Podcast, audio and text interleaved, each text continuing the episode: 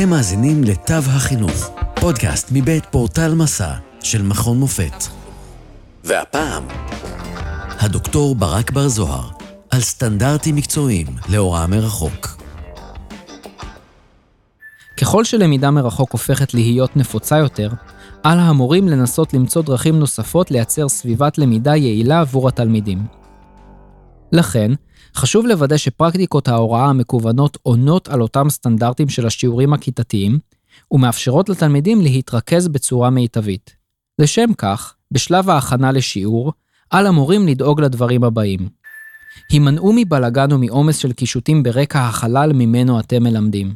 ודאו כי התאורה טובה. השאירו חיות מחמד וילדים מחוץ למסגרת. השקיטו רעשי רקע. לאיכות הטכנית של המחשב והמיקרופון יש השפעה מכרעת על רמת הקשב של התלמידים. לכן, עליכם לוודא שאתם מחוברים לאינטרנט מהיר, שאין יותר מדי אתרים פתוחים בדפדפן, שאתם משתמשים בפלטפורמת וידאו צ'אט נוחה ומתאימה, כמו זום, ושהתלמידים רואים אתכם בצורה ברורה ככל האפשר, אפילו משתי מצלמות, במידה וקיימת אופציה כזו. ארגון זמן נחשב לחלק בלתי נפרד מהוראה איכותית, על אחת כמה וכמה בהוראה מקוונת. על מנת להספיק להעביר את חומר הלימוד, לפתח קשר עם השומעים, לעורר עניין ולשמר את האנרגיה של התלמידים, נקטו באמצעים הבאים. הכינו מערכי שיעור קצובים בזמן. קחו בחשבון שחמש הדקות הראשונות יבוזבזו על קשיים טכניים, כגון בעיות חיבור, שמע ומצלמה. הכינו תוכנית ב'.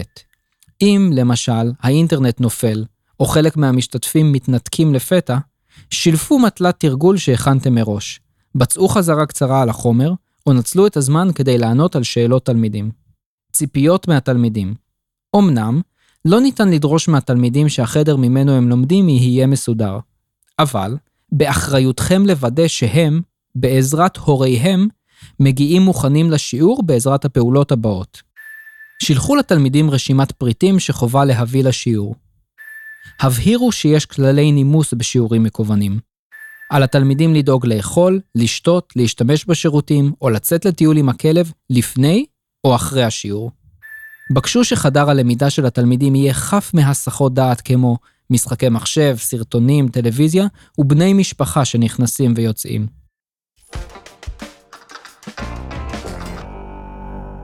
שלום לדוקטור מאיה קציר, מרצה להיסטוריה ולכתיבה בסמינר הקיבוצים ובמכון מופת. היי ברק. מאיה, האם וכיצד משבר הקורונה השפיע על הקורסים אותם את מלמדת? אה, בטח, מאוד. במיוחד כי אני מלמדת קורס אה, שהוא קורס ממש מעשי. זאת אומרת, אני מלמדת אה, מבוא לעת חדשה מוקדמת, שהיה אמור אה, להתנהל בצורת חדר בריחה. הסטודנטים, הסטודנטים שלי, אה, אמורים להקים חדר בריחה, שבסופו של הקורס הוא בעצם יוקם בבית ספר לכיתה ח', והילדים, התלמידים, היו אמורים לפתור את חדר הבריחה הזה. זאת אומרת, זה קורס שבמהלכו הסטודנטים, דרך בניית החידות, לומדים את החומר. זה קורס סופר מהפכני ומגניב, אה, אבל הוא מאוד מאוד מעשי. גם אה, העבודה היא עבודה בסדנה, גם השיתוף, הקבוצה, כל האלמנטים האלה נעדרו מהקורס הפעם, או לפחות השתנו מאוד, בגלל הקורונה. מה שקרה זה שעשינו באמת את אותו קורס, עשינו אותו בזום, וגם המשחק, שהיה אמור להיות משחק בבית ספר, התקיים בזום. זה היה קשה, זה נפגם במידה רבה, זאת אומרת, התוצאה הייתה פחות טובה לדעתי. אנחנו נלמד מזה לשנה הבאה איך לעשות את זה גם בזום, לעשות את זה טוב. אבל זה השפיע בצורה דרמטית על הקורס שלי. אה, נשמע כמו קורס מאוד uh, מעניין ויצירתי. הורס. מניסיונך, מהם היתרונות של הוראה מקוונת? Uh, כמובן זה תלוי למי, ולפני שמדברים בכלל על הוראה מקוונת, חשוב להבדיל uh, בין uh, הוראה אסינכרונית להוראה סינכרונית. בהוראה סינכרונית, אה, יש כמה יתרונות. א', זה מרוכז הרבה יותר ותמציתי. אתה מצליח, אני מצליחה אה, להגיד את הדברים בצורה אה, מאוד, עוד פעם, מרוכזת, מחודדת נגיד, ומדויקת, כי אין את, את מה שקורה בקורס רגיל, ואין בעצם את ההפרעות של הסטודנטים, זה בעצם מפריעים. סתם, אני צוחקת. סטודנטים הם חלק די חשוב של הקורס, אבל יש המון הסחות בשיעור רגיל, ובשיעור סינכרוני, ההסחות האלה הרבה פעמים לא קיימות. אה, במובן הזה, זה יתרון גדול. כמובן שהנוחות, כן, סטודנטים שמגיעים מרחוק, וגם לי זה נוח לדבר מהבית. וגם יש איזה סוג של סדר תרבותי כזה, אירופאי פתאום, כולם מדברים בסדר, כי אי אפשר להיכנס אחד לדברי השני. זה יתרון גדול בזום, אבל זה גם אה, חיסרון. אה, כי האווירה הדמוקרטית הזאת של דיון ער, הדברים האלה לא קיימים בעצם בזום, קיימים בכיתה רגילה.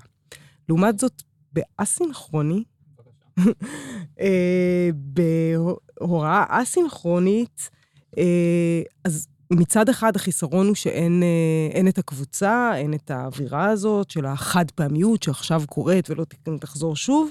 אה, מצד שני, יש לימוד עצמי הרבה יותר גדול, זאת אומרת, הסטודנט צריך ללמוד לבד את הדברים, יש לו זמן, אה, הוא יכול להשתמש בחומרים אחרים שבכיתה הוא לא יכול להשתמש, אה, ואנשים שסובלים מלחץ בכיתה, בעצם משוחררים מהלחץ הזה כשהם יכולים ללמוד בזמנם החופשי. הרבה פעמים היתרונות הם גם החסרונות, זאת אומרת, העובדה שאין קבוצה, קבוצה ממשית. זה חיסרון, וזה יכול להיות גם יתרון למי, ש... למי שעובד פחות טוב בקבוצה, למי שעובד יותר טוב לבד. החיסרון הגדול ביותר אה, הוא היעדר המבט בעיניים. זה, זה, זה, זה נורא. בזום, לא משנה כמה אתה תסתכל בעיניים של אה, מי שעומד מולך, אתה בעצם לא מסתכל לו בעיניים, אתה אף פעם לא יכול לדעת, אה, להבין הקשבה, אה, זה נורא נורא נורא קשה. מה היית ממליצה למרצים שנאלצו לעבור ללמד מרחוק, אך אינם בקיאים ברזי הטכנולוגיה? אוקיי. Okay. א', יש המון המון אה, מדריכים פשוטים, נהירים, ברורים, שכתבו אנשים כמונו, מרצים, אה, שמבינים בזה, אה, וזה עומד לרשות, ה, לרשות קהל המרצים. דבר שני, למי שמפחד מהסיפור הזה, הוא יכול לעשות באמת את הקורסים אסינכרונים, זאת אומרת, להכין את עצמו מראש, להקליט הרצאה, ואז אין לו את הלחץ הזה של, של, של ההופעה בלייב. עצה שלישית זה לזכור שאנשים זה אנשים, זה לא משנה אם הם בזום או מול העיניים, הם... אה, בעצם, במובנים רבים אין שינוי, זה מפגש. וכמובן, להכין טוב טוב את השיעור הזה, לדעת בדיוק להקציב זמן לכל דבר, זה יכול אה, להוריד את אה, אה, אלמנט הלחץ. איך את נערכת בצורה מיטבית להרצות בשיעור מקוון? כמובן, שוב, יש הבדל בין א-סינכרוני לסינכרוני, אבל אני מניחה שאתה מתייחס לשיעורים סינכרוניים. Mm-hmm. אז אני, מעבר לבדוק את החיבורים, כי גם זה קרה לי, לבדוק, זאת אומרת שיש אינטרנט טוב. אני מתלבשת, כולל עקבים. אוקיי. לא, ברצינות, אני, אני, באמת, אני באמת באה לשם אה, כאילו זה שיעור רגיל. זה, זה, זה, זה מחזיק אותי. אה, אני אה, מכינה שקף שמציג על ההתחלה, וזה בשיעור רגיל אני לא עושה, למרות שזה יכול להיות גם בשיעור רגיל טוב, שקף שבעצם מסביר את כל מהלך השיעור, שהסטודנטים ידעו mm. מה הולך לקרות ב, בכל רגע, נניח יש חל... חמישה חלקים לשיעור, mm-hmm. אז השקף הזה מראה להם מה הולך לקרות. נניח, אני מציגה את הנושא, אחרי זה תהיה חלוקה לקבוצות, אחרי זה נחזור למליאה, בסוף יהיה חלק של שאלות, אני מראה להם מה יהיה, ואז זה, אני חושבת שזה זה, זה קושר אותם לשיעור. אה, זה, זה, זאת ההכנה שלי, אני משתדלת כן להכין יותר פעילויות ופחות הרצאה פרונטלית, מה שנקרא. Mm-hmm. זה, זה. איך לתחושתך המעבר להוראה מקוונת השפיע על התלמידים הסטודנטים שלך?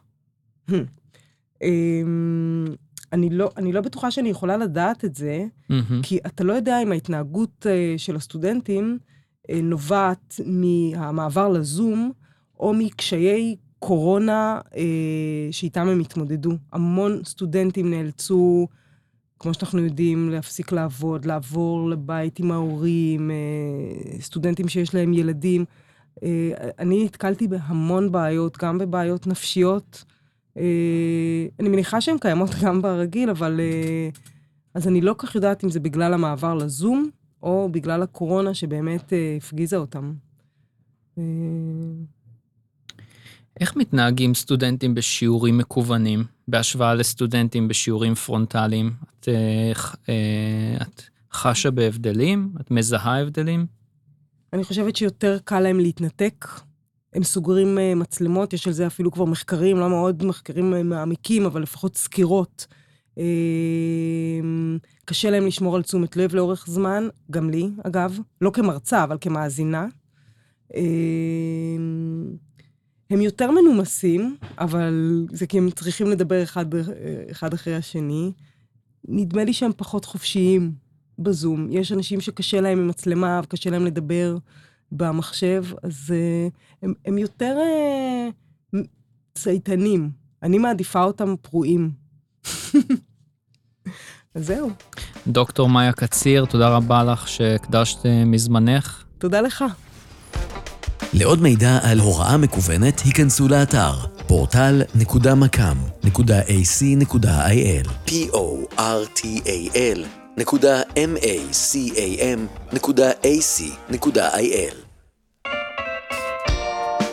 עד כאן מהפעם. תודה שהאזנתם לתו החינוך, פודקאסט מבית פורטל מסע של מכון מופת. פרקים נוספים תוכלו למצוא בפורטל מסע, או באפליקציית הפודקאסט האהובה עליכם. אתם מוזמנים לשלוח לנו תגובות, רעיונות, לשתף עם אחרים ולעשות מנוי לפודקאסט תו החינוך. התוכנית הוקלטה ונערכה במרכז המידע במכון מופת. נשתמע בפרק הבא.